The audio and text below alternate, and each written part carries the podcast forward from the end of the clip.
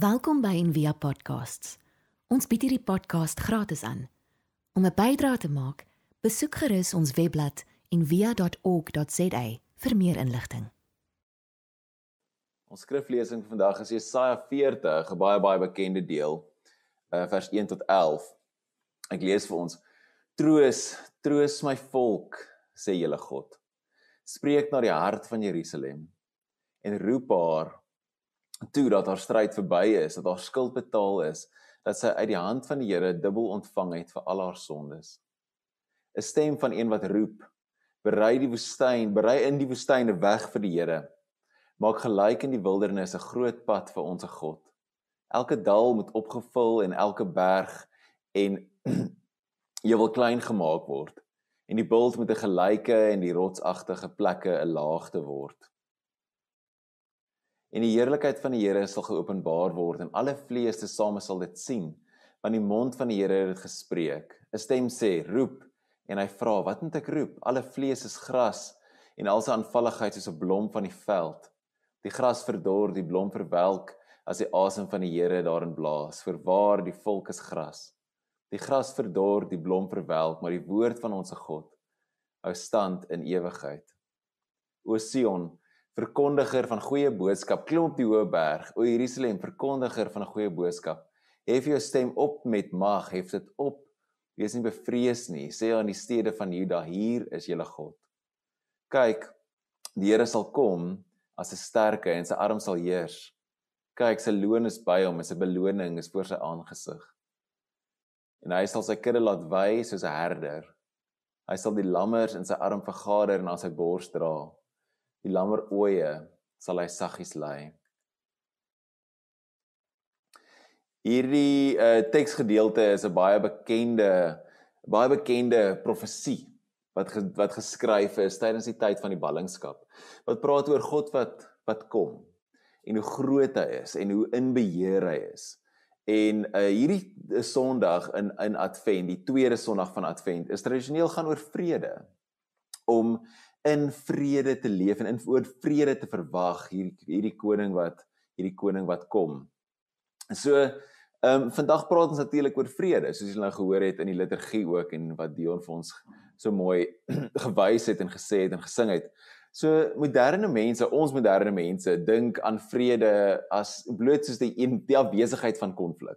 Dan word daar is nie 'n bekleierery nie. Maar die Hebreëse skrywers en die Bybelse skrywers het 'n heel ander idee in gedagte gehad van wat vrede is, wat dit beteken.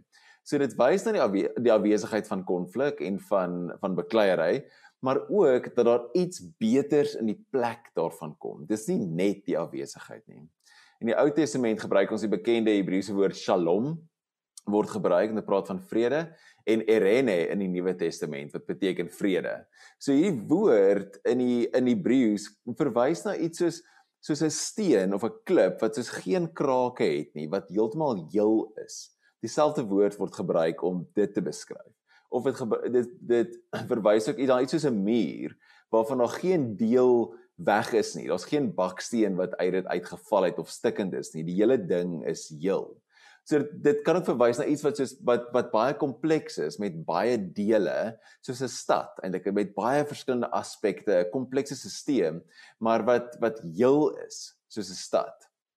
So die idee hiervan is dat die lewe is kompleks. Maar dan wanneer jy Shalom, Irene, vrede ervaar, dan is alles in plek en alles is reg. Daar's niks weg of daar's niks missing nie, reg? So byvoorbeeld, Salomo wanneer die teks verduidelik dat hy die tempel klaar maak, dan sê dit hy bring Shalom na die tempel toe wanneer hy die laaste of baksteen insit of die laaste gordyn hang is dit Shalom wat dan in daai plek is. En as jy die Torah, die wet lees dat byvoorbeeld op so 'n baie praktiese manier wanneer jou os nou in jou bure se land in neek en hy breek al die breek breek die oes of vrede die oes op, dan die manier hoe jy Shalom bring, is nie net om jou os uit te haal nie. Die manier hoe jy Shalom bring is om hulle te terug te betaal vir die skade wat jou os nou gedoen het. En dit beteken. En dieselfde geld vir vir menslike verhoudings in die teks. Die Bybelteks wanneer jy 'n verhouding herstel met iemand, is dit shalom. dis nie net wanneer jy weet jy jy's nie kan nie meer jy's nie meer kwaad vir hulle nie, maar jy praat ook nie meer met hulle nie en hulle gaan hulle pad en jy gaan jou pad. Dis nie Shalom nie. Shalom is wanneer die twee weer bymekaar is en dis weer herstel. Dit beteken nie net jy ophou beklei nie, maar beteken ook dat jy nou weer saamwerk en dat jy goed vir mekaar doen. En dis is wanneer die konings in die Ou Testament wanneer hulle vrede gemaak het, dis dit nie net ons gaan nou nie meer skiet op mekaar nie, beteken ons gaan nou saamwerk. So hierdie is die konsep van vrede in in die in die Bybelse verhaal, die Bybelse teks en wat ons vandag oor chat. So Jesaja wanneer hy in sy in sy boek skryf, dan dan skryf hy oor 'n hoop dat hy hoop op die soos die prins van Shalom, die vredevors. En in verder dan Jesaja, as jy die teks lees, daai is ook 'n baie bekende Kersfees teks. Dit sê in Jesaja 9, sê want 'n kind is vir ons gebore 'n seun is aan ons gegee en die heerskappy is op sy skouer. En hy word genoem wonderbaar, raadsman, sterke God, ewige Vader en dan vredevors.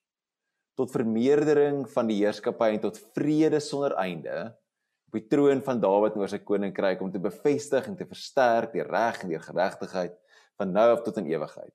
So hierdie is wat hy doen. En dan dis dis dan so ehm um, significant dat wanneer Jesus kom met sy geboorte, dat die aankondiging van sy geboorte is daai bekende, daai Lukas 2 wat waar die engele, ek hou van hierdie hierdie uh, William Blake painting van die engele is my baie mooi. So wanneer hy aankondig, wanneer die engel aankondig, dan sê hy vir die herders: "Eer aan God in die hoogste hemele en vrede, erene, vrede, shalom op aarde in die mense welbehae." Dis wat die teks lees. En dis wat Jesus is, is vredevors dat hy dit dit bring, die prins van vrede as jy die Engels luister. Nou ehm um, Jesus gee ook sy vrede vir ander. Dis wat hy doen. Hy bring nie net die vrede nie, hy gee ook dit dit vir ander mense. So Johannes 14 is 'n bekende vrede hoofstuk En ek ek het dit geleer by ehm um, een van ons swart vriendinne lank lank gelede wat my gesê het cool, dis net so 'n interessante ding. As jy in as jy in die townships met mense kuier, dan sal hulle vir jou sê cool is Johannes 14. Soos cool wat jy eet, cabbage. Johannes 14 vers 1 is cool want dit sê wat die idee is cool is is goedkoop. So selfs al het jy amper niks, kan jy nog altyd 'n kop kool koop en dit maak jou hart gesond en dit maak jou goed want dit is gesond en goed vir jou. So toe ons noudag toe ons in of laas jaar toe ons in ehm um, ons ons 2 jaar terug toe ons in Israel was, toe vra die ou vir ons watse watse watse groente kom in die Bybelteks voor. Ek is soos kool. Kool, Johannes 14 kool. Hy sê nee, ek kan nie regtig nie. so, maar Johannes 14 is die kool teks. So as jy ooit vir iemand sê moenie moenie dat jou hart ontsteld wees nie, eet kool. Dis Johannes 14. Die Here sal vir jou sorg, gee vir ons kool. In 'n geval, sorry ek ek rant nou aan oor die kool, maar jy sien aan die einde van Johannes 14 dan sê Jesus, "My peace I give to you." Nee, my vrede gee ek vir jou. Hy is nie net dit nie, hy gee dit ook. Hy sê not as the world gives, do I give to you. En dan sê hy, "Let your hearts let not your hearts be troubled. Neither let them be afraid." Johannes 14 vers 1 sê, "Don't let your hearts be troubled. Eat cabbage." Maar nee, nie heeltemal reg nie. Maar en dis wie Jesus is. Jesus bring daai vrede. En hy bring dit op 'n paar maniere, op 'n paar plekke. So Jesus herstel die verhouding tussen die mens en God. Hy bring vrede en hy bring heelheid. En nou hierdie is baie belangrik. Dit is soos ek wil nie jy moet die ek wil hê jy moet eintlik wanneer jy dink oor die vrede tussen die mens en God, moet jy eintlik die idee in jou kop hê van soos 'n stad wat in pyn lê en Jesus wat kom en elke ding optel en weer regop sit en heel maak en regmaak en restoreer. Nie 'n beeld van twee partye wat kwaad is vir mekaar, hierdie mense God wat kwaad is vir mekaar nie, maar iets van iets hele die skepping wat gebreek het en Jesus wat dit stukkie vir stukkie terugsit. So Jesus bring daai vrede, daai shalom. En dan bring Jesus ook vir ons vrede tussen tussen my en myself weet soos baie dinge in die lewe is die plek om te begin as jy wil begin vrede beleef die plek is om jou by jouself te begin. Om in vrede te leef met jouself. En wanneer ek die woorde van Jesaja lees veral vers 1 en vers 11 daai eerste en daai laaste deel dan kan ek nie help as om weet aan myself kan eers te dink nie want dis wat dis wat ek nodig het. Daai eerste line is so mooi dit sê troos troos my volk. God gee hierdie bevel. Hy sê troos, troos my volk, sê julle God.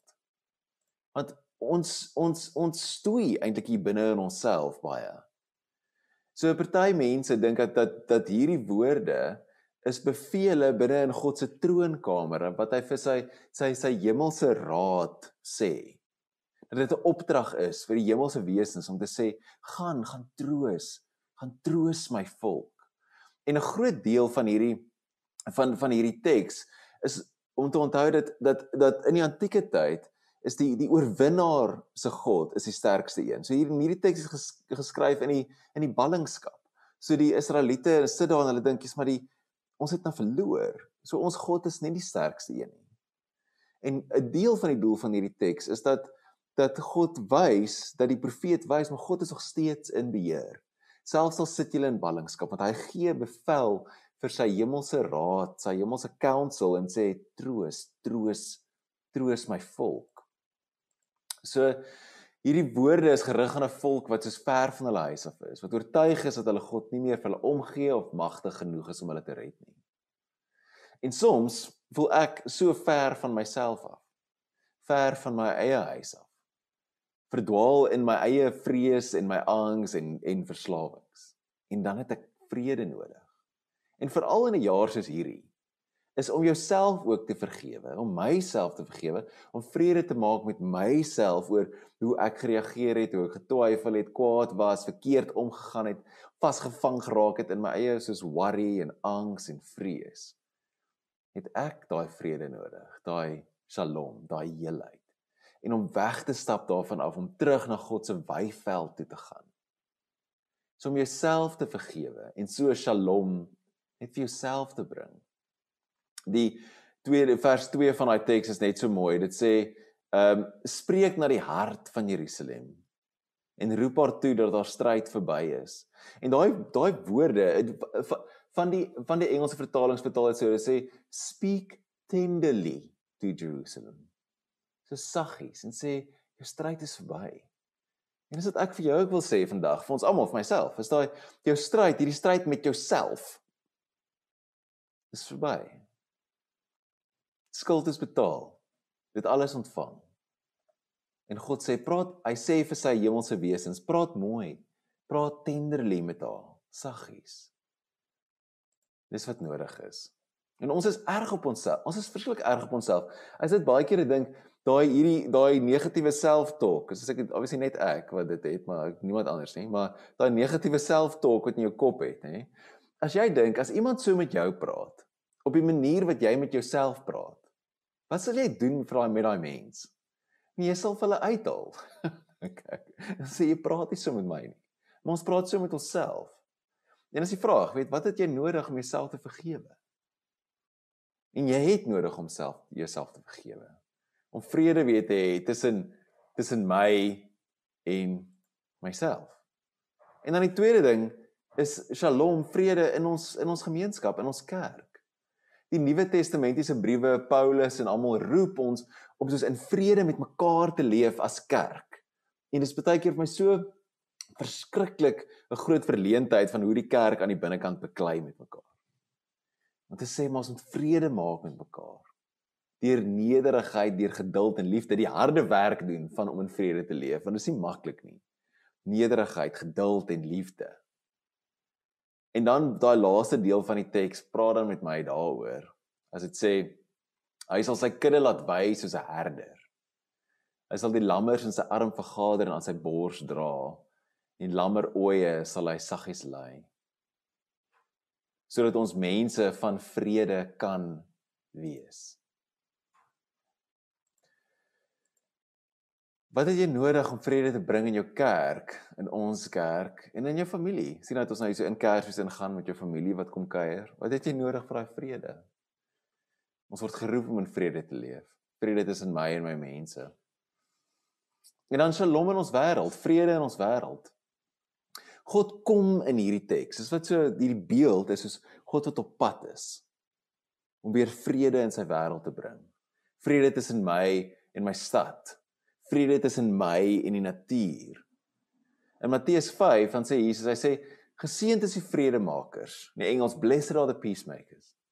En daai is meer as net iemand wat vrede bring hier op 'n klein vlak. Dis 'n politieke term. Dis amper soos 'n amper soos 'n rang of 'n amp of 'n pos, 'n vredemaker.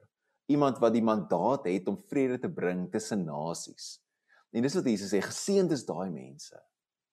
En het ons dit so baie in ons land nodig nie. Nie iemand wat nog klippe gooi en nog modder gooi nie. Dis eintlik wat die woord diabolos beteken, nou dat ek kan dink die woord wat ons vertaal as duiwel, as jy dit direk vertaal beteken dit om 'n kluit te vat en te gooi. Beteken verdeeldheid. Maar Jesus sê ons moet vredemakers wees. Om die heelheid te bring in 'n wêreld wat al hoe meer en al hoe dieper verdeel is. Is ons die mense wat moet saam staan en dit nader mekaar trek. En ophou met hierdie ons en hulle nonsens. Want daar's eintlik net ons. Daar's nie rooies teen bloues of wat ook al nie. Dis net ons. En die vraag is dan die woord wat ons baie mee werk is nooi. Wat nooi God jou na toe uit en wat word jy na toe uitgenooi in ons wêreld? Waar moet jy vrede maak? Waar moet jy vrede bewerkstellig by jou werk of in jou familie of in jou kultuurgroep? So die vraag is dan kan ons soos vroedvrouens vir vrede wees? Wat help dat vrede gebore kan word weer in hierdie Kerstyd? Soos ons wag vir Jesus tydens Advent, hoe kan ons help geboorte skenk aan vrede? Megan McKenna het geskryf, sy sê Kersfees is die bewys dat God belangstel in dit wat in die wêreld aan die gang is. Dat God 'n plan het. 'n Plan vir die wat gemaak is om in vrede te leef. Advent is by uitstek die tyd van koms. Ons verwag God. Ons maak vir hom gereed. Dis wat ons doen in hierdie tyd. En as geloofsgemeenskap is ons ontvangers van hierdie troosopdrag. Net soos die hemelwesens dalk ontvangers is van dit om te sê troos, troos, sê God vir ons ook troos, troos, gaan troos jou wêreld. Gaan troos my mense. Ons moet ook ander mense troos en hulle versterk.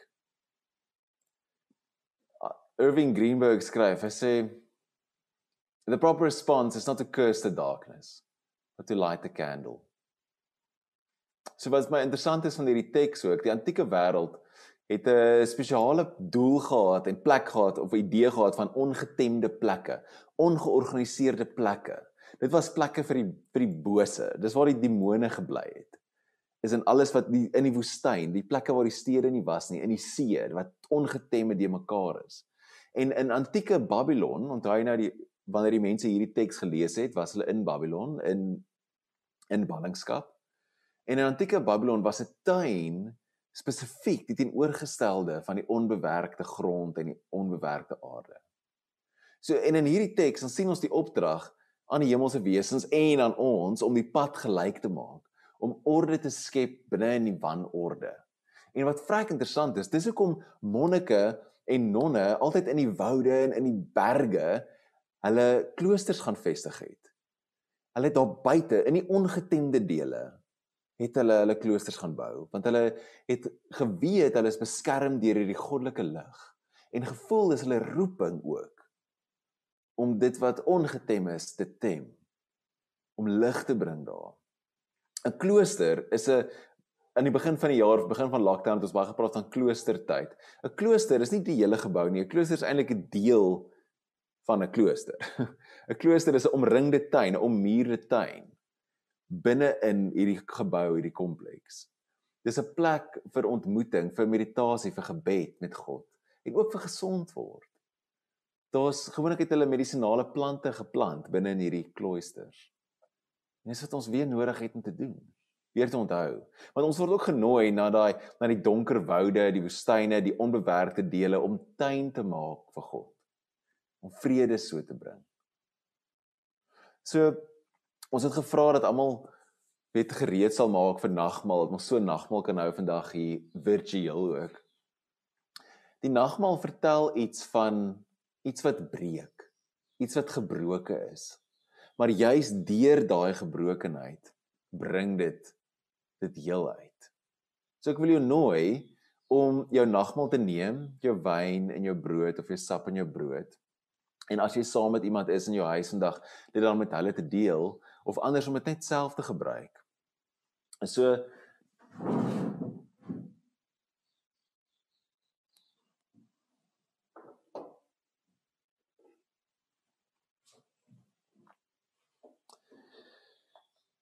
Die aand toe Jesus saam met sy disippels gekuier het, het hy brood gevat en dit gebreek en gesê: "Hierdie is my liggaam.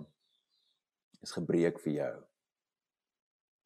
En hy het wyn gevat en hy het dit geskink en gesê: "Hierdie is my bloed uitgegiet vir jou." En gaan doen julle ook dieselfde ter herinnering aan my. En ek dink altyd as ek daai stukkie lees, daai ter herinnering aan my, aan hierdie, gaan dit nie net oor om nagmaal te hou nie, maar ook om jouself te breek vir 'n wêreld wat honger en wat dors is. So altyd by en wie as ons nagmaal hou dan kyk ons mekaar in die oë en dan sê ons hierdie woorde: Hierdie is sy liggaam gebreek vir jou. Hierdie is sy bloed uitgegiet vir jou. En dan sê ons jy is vry. En vandag wil ek ook by sê jy is heel. Jy is vrede. En dan die antwoord wat ons mekaar gee altyd is ek weet. So gee vir jou tyd om nagmaal te gebruik.